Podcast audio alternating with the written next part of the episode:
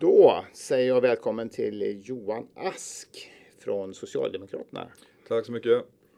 Vi eh, har ju som tradition här att vi börjar med en faktaruta och då undrar jag hur gammal du är. Jag är 44 år. Familj. Ja, fru, två barn och en tax. Hur gammal är taxen? Taxen är fem år, barnen är 16 och 13 och fruns ålder lämnar jag därhän. Det eh, brukar vara bäst så. Eh, hur har vi det med boendet? Jag bor i en bostadsrätt i Stöpen. Har bott där i 15 år. Var kommer du från början?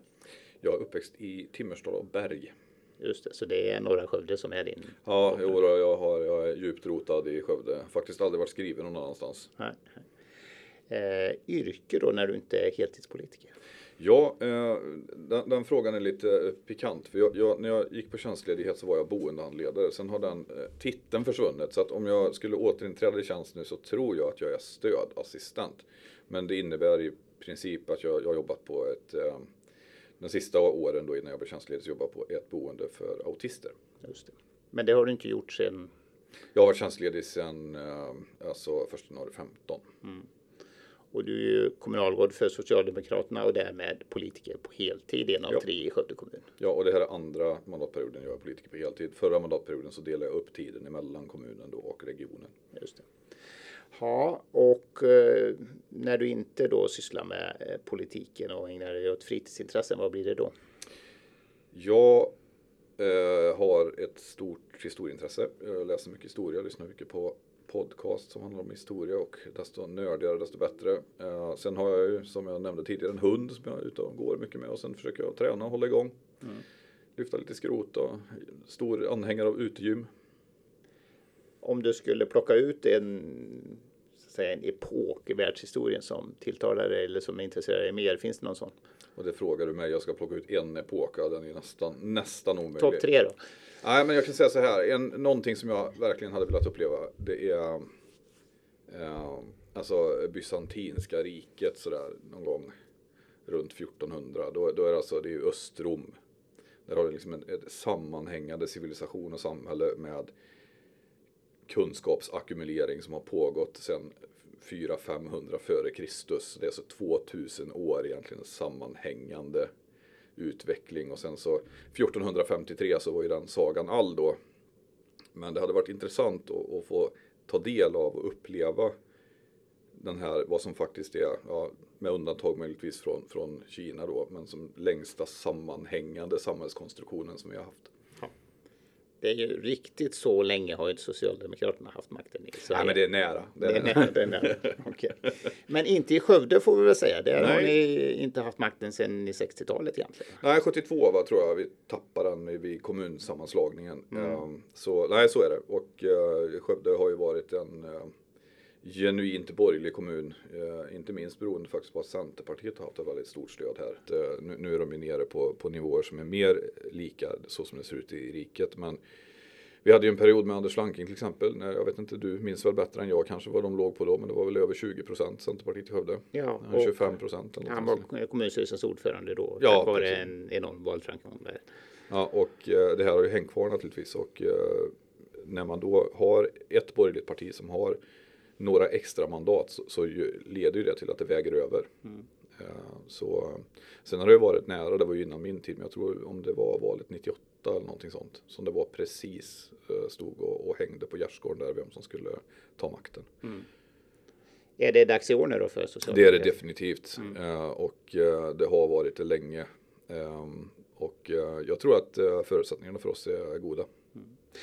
Jag gjorde ju den här intervjun, motsvarande intervju med dig för fyra år sedan inför valet då. Och jag tog tillbaka den artikeln idag och då sa du så här. Det har varit allt för mycket samförstånd, men nu är uppdraget att visa på ett alternativ till alliansen.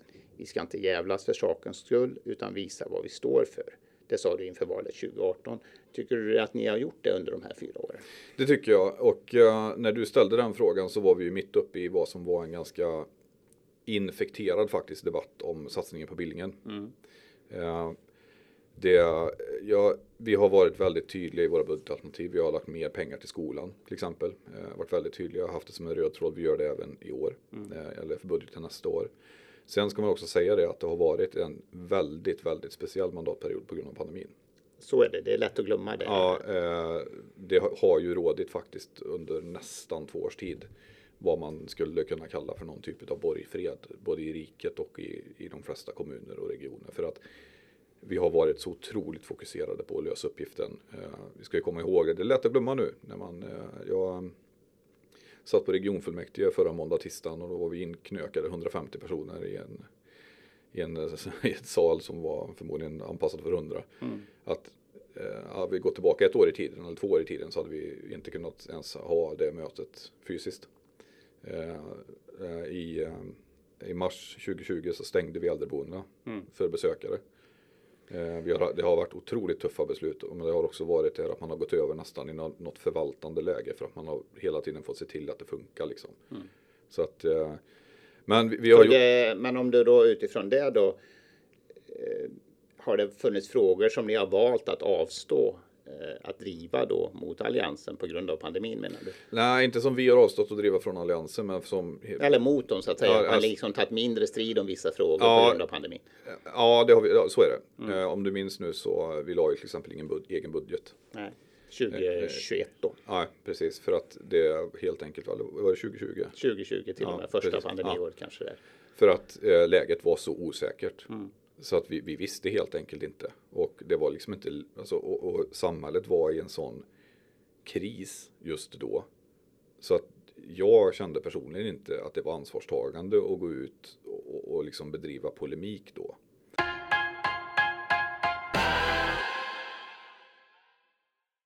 Jag har ju haft Johan Fran eh, Josef Fransson här från Sverigedemokraterna och han, han är ju kritisk till eh, så att säga att ni inte är tillräckligt oppositionella i er roll som opposition, största oppositionsparti och menar att S och M snarare växer ihop i det som brukar beskrivas som samförståndsandan, Skövdeandan.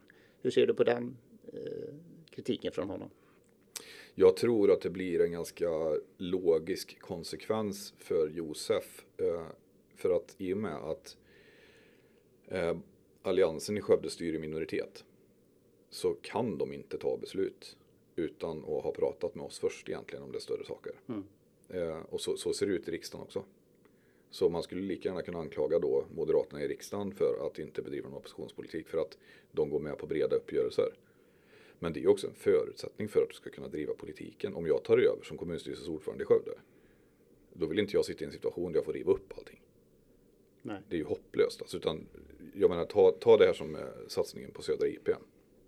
Där åtta partier förra veckan ja. presenterade ett förslag ja. om att lägga ett uppdrag till Sköldbostäder att utreda detta. Ja, precis. Alltså, det är en bra grej. Mm. Ska jag då driva destruktiv oppositionspolitik och säga nej, nej, jag är emot det här. Det är kass. Mm. För att sen ändra mig då. Om vi tar makten, det, det, funkar ju inte. Man kan inte jobba så, det blir inte långsiktigt. Nej. Men vad blir då, var går gränsen det här att liksom ni tydligt från S markerar att det här är inte vår politik eller att man liksom hamnar i en samförståndsanda nära alliansen då? Alltså, du, du, får ju definiera vad en samförståndsanda är i så fall. Alltså, jag tror att det är bra när man är, man kan, alltså det, Skövde är lite unika på det viset för vi kan och gör alltså blocköverskridande överenskommelser som sträcker sig över mandatperioder.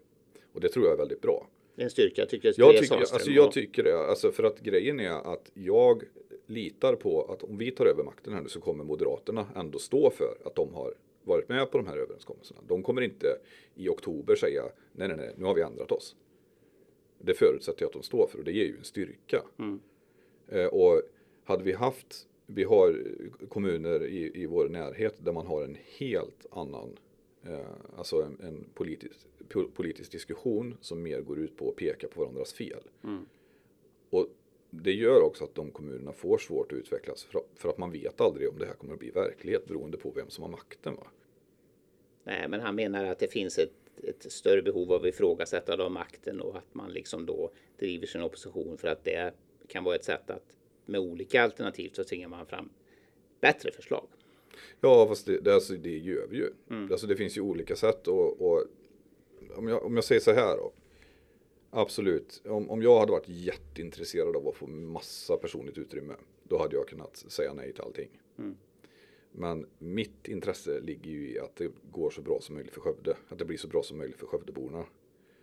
Om det då innebär att jag är med och förhandlar om någonting, ja men då gör jag det. och ser till att vi också får utrymme för våra idéer och våra förslag in i den förhandlingen. Alltså det, det är så politik går till. Mm. Du, du, får aldrig igenom någonting genom att stå, gå, stå och gapa och skrika. Så eh, om ni skulle ta makten här i höst så eh, är du, du är bekväm med de eh, vägarna som har ritats upp de senaste åren så att säga, för där har du varit med och förhandlat fram det och från socialdemokratins sida är ni ganska nöjda med den riktning som har tagits. Det beror ju på vad du pratar om nu. Ja, men jag alltså, tänker de stora infrastruktursatsningar som görs till exempel. Vi har Science, uh, science Ja, absolut. Och absolut. Och det tror jag är en förutsättning. Mm. Du, du, vi skulle aldrig kunna gå fram om du hade en eh, låt oss säga att det hade varit en, en 55-45 förhållande från fullmäktige som hade bakom Science Park Skövde. Eller Skövde Science City. Mm. Det hade aldrig hållit. Nej. Det funkar inte. Utan du måste ha en bred överenskommelse med så stora beslut som, som går över så lång tid. För det är ingen som vågar annars. Nej.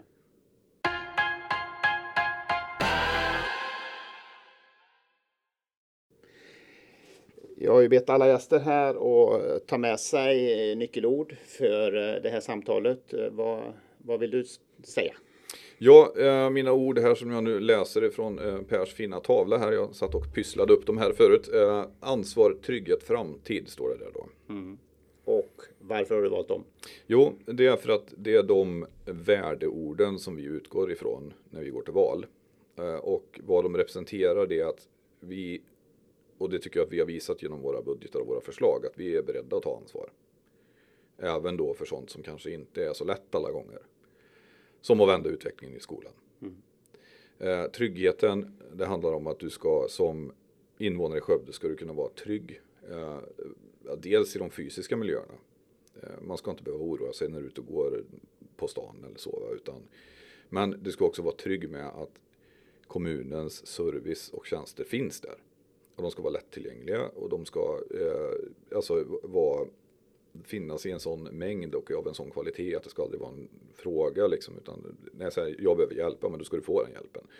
Jag behöver ett bygglov, ja men då ska du få det, hjälp med det bygglovet. Liksom. Mm. Och får man, får, det får man väl idag?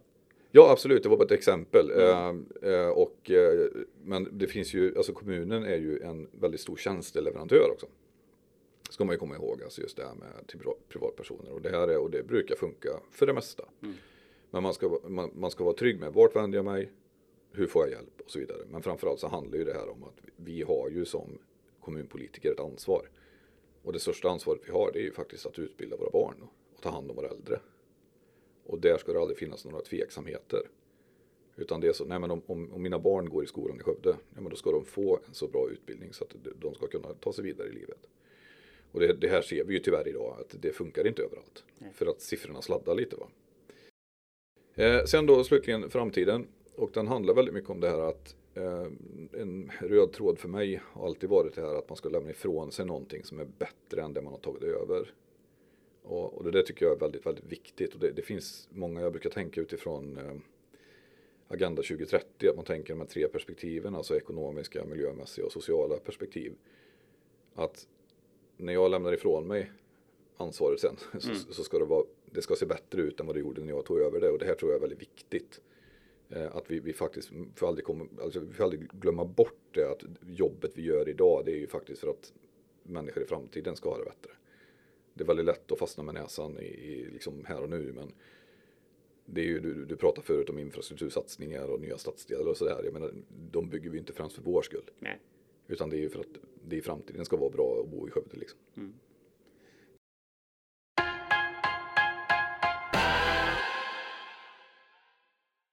framtidsfrågorna då är ju den eh, globala miljöfrågan givetvis en sån som är viktig, vilket eh, andra gäster här i studion har tagit upp. Vad, vad ser du där? Att vi måste göra i Skövde?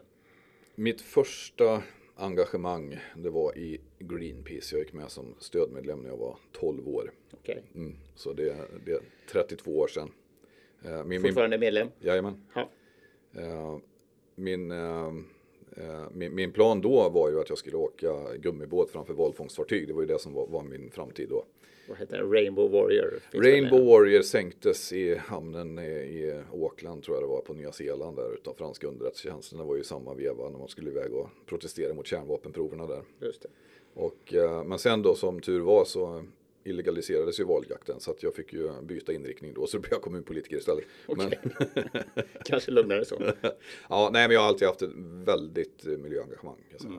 Och, eh... Men vad är då den kärnan i, i, hur du ser på vad Skövde kommun kan göra? Jag tror att eh, alla måste göra det de kan. Mm.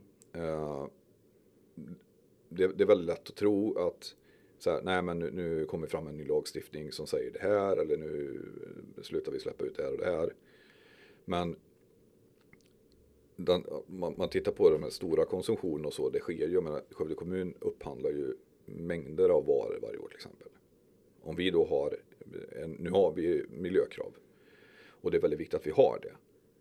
För att det, det ger avtryck, för vi har så stora volymer. Mm.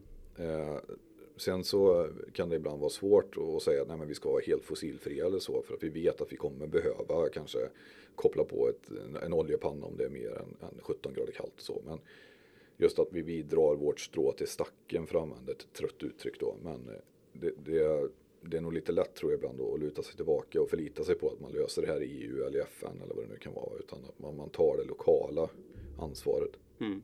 Är det någonting som du tycker att, vi, att man, ni kan göra mer? Ja, det tycker jag nog. Eh, framförallt så eh, nu har ju vi skrivit under Agenda 2030 mm. och är med i Glokala då i kommunen. Och jag ser ju en jättemöjlighet det här, nu är jag lite ansvarig för det arbetet då. Jag ser ju en jättemöjlighet här att vi, många utav, vi har ju väldigt många olika mål i våra verksamheter. Vi kan ju ersätta många av dem med, de, det finns ju 17 mål i, i uh, Agenda 2030. Mm. Sen det här med en god havsmiljö kan vara lite svårt att kanske, men Kanske inte funkar på simsjön. Nej, nej, den är Bolognesjön kanske. Mm. Eh, men just det att vi kan ersätta och effektivisera vårt miljöarbete genom att vi har samma mål i hela organisationen. Då kan vi använda de målen som vi faktiskt har skrivit under att vi ska följa. Mm. Så där ser jag det är en sån sak som man skulle kunna göra på ganska kort sikt. För då skulle det också vara mycket enklare att följa upp miljöarbetet. Eh, för att man, man har liksom liknande målsättningar och ett raster som ligger över hela kommunen. Vi ska komma ihåg det att det var ju inte, om du går tillbaka 20 år i tiden så kanske inte ens var självklart att man hade miljöredovisning i, i liksom sina verksamhetsplaner. Så det har hänt mycket. Det har hänt mycket, och men, och, men vi kan göra mer. Mm.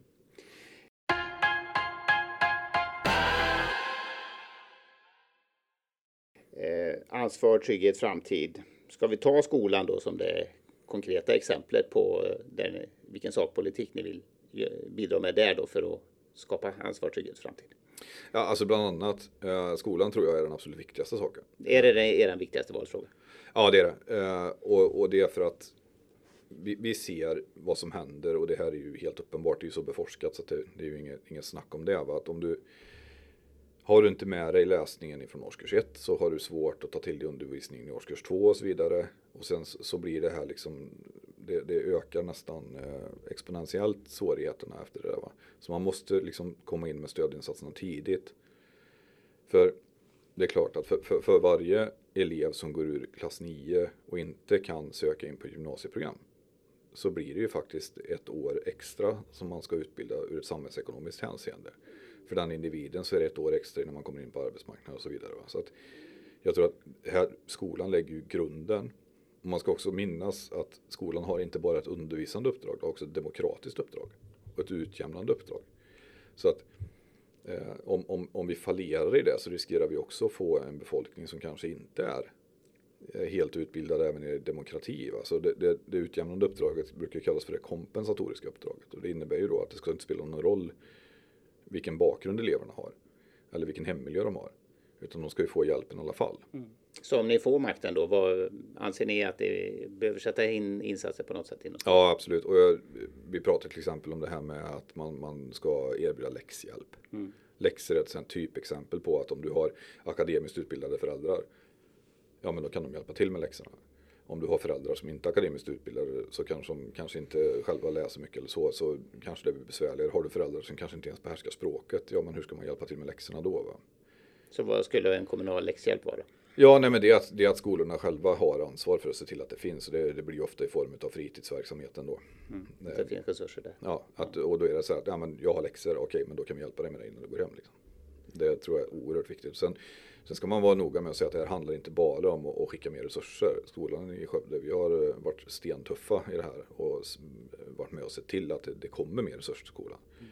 Men, Men Skövde ligger ju, det finns ju parametrar som visar på att Skövde lägger mindre pengar per elev. Amen. Eh, håller du med om att det är så?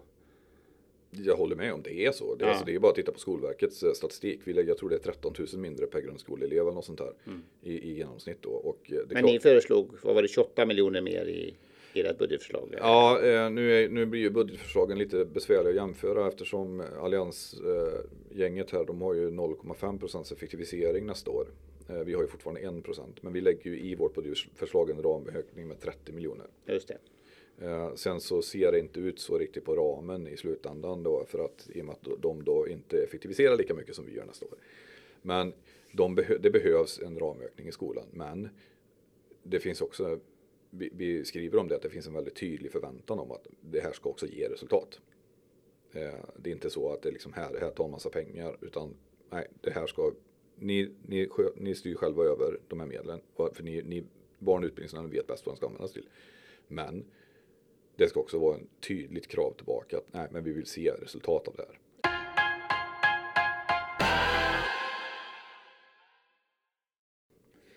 Om du ska lyfta någon annan sakfråga då eh, för er, eh, vad, vad väljer du då? Då skulle jag nog säga att eh, något som vi har pratat länge om eh, det är den så kallade brända tomten. Uh, Sleipner 3 heter fastigheten. Och, uh, då är vi ju då, om man ska säga, bakom Kulturhuset. Ja, intill mot, Kulturhuset. Intill kulturhuset mitt emot resecentrum där. Parkeringsplats idag. Det är en parkeringsplats idag och det är ett vansinnigt underutnyttjande av den platsen. För det är nog en av de mest attraktiva tomter vi har i Skövde. Ja, det har ju varit olika förslag genom åren men nu vill ni göra någonting. Ja, eh, och det vi har sagt är att vi tycker att Stadsmuseet ligger lite väl anonymt till uppe på Norrmalm man skulle titta på, kan man flytta ner det där och så få de här samordningseffekterna med Kulturhuset. Men det som sticker ut lite grann kanske det är att vi har tänkt oss att bygga ett showroom där. Och det ska vara fritt för alla att gå in och titta på. Där ska man då kunna använda för att och visa upp vad som händer i stan. Eh, det kan vara eh, Volvos nya elmotor eller eh, det kan vara vad, vad sysslar man med på Science Parken eller kanske till något från Försvarsmakten eller högskolan eller vad du vill. Va? Men mm. visa upp att för det händer faktiskt väldigt mycket intressanta saker i Skövde. Och du kanske kan gå in och prova och spela det nya spelet som har släppts eh, från någon på Science Parken eller så. Mm. Eh, och eh, det där tror jag vore, alltså vi behöver jobba mer med vår attraktivitet för vi, vi, är lite väl lutheranska i Skövde ibland kan jag tycka. Det här med jantelagen och man ska inte tro att man är någon och vi ska inte prata om vad vi är duktiga på. Men jag, det, jag tror det är viktigt att man gör det. Så det är någonting ni skulle vilja utreda förutsättningar för? Ja, alltså jag, eh, det, det som sagt jag, jag tycker det är på gränsen till förfärligt att vi parkerar bilar där. Det, vi måste använda den här tomten på ett mycket bättre sätt och då, då ser vi det här som att det skulle, det skulle kunna vara ett alternativ. Ja.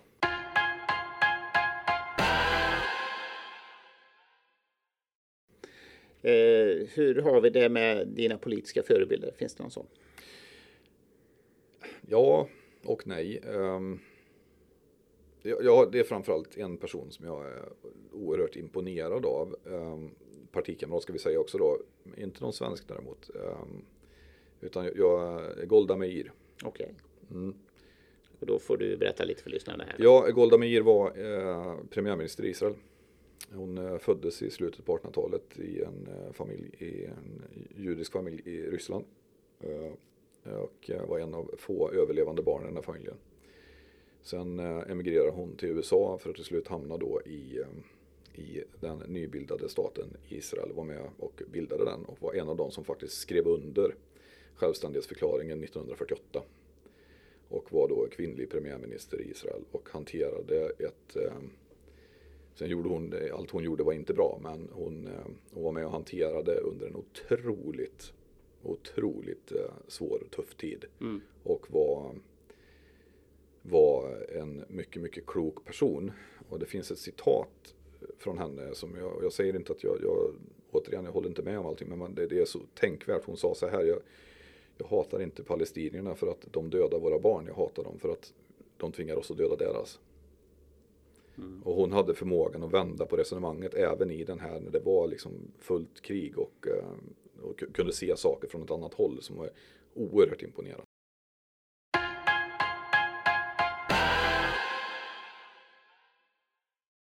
Vad eh, känner du att du har fått ta upp de eh, sakpolitiska frågor som du hade med dig när du kom hit? Ja, det tycker jag. En sak som vi inte har pratat så mycket om det är ju att vi har en väldigt lång bostadskö. Och det är också någonting som vi eh, faktiskt eh, vill skjuta lite extra på. För det, det, vi har sett är att vi har väldigt, väldigt sug efter småhustomter. Mm. Jag tror att det står en 600 personer i kö. Det är långt, ja. Mm. Och det här måste vi adressera. För att det, det här handlar ju om att människor som vill komma till Skövde och jobba och, och leva måste ju också ha möjlighet att kunna sätta bo. Mm. Har ni några skarpa förslag då att få fram fler villatomter snabbare? Nej, det, det, det vi gör är att vi lägger ett, ett, ett uppdrag Alltså, det är inte upp till oss som politiker att säga hur, exakt hur man ska göra detta utan vi lägger ett uppdrag att det här, det här måste lösas. Vi måste få ner den här kön. Mm.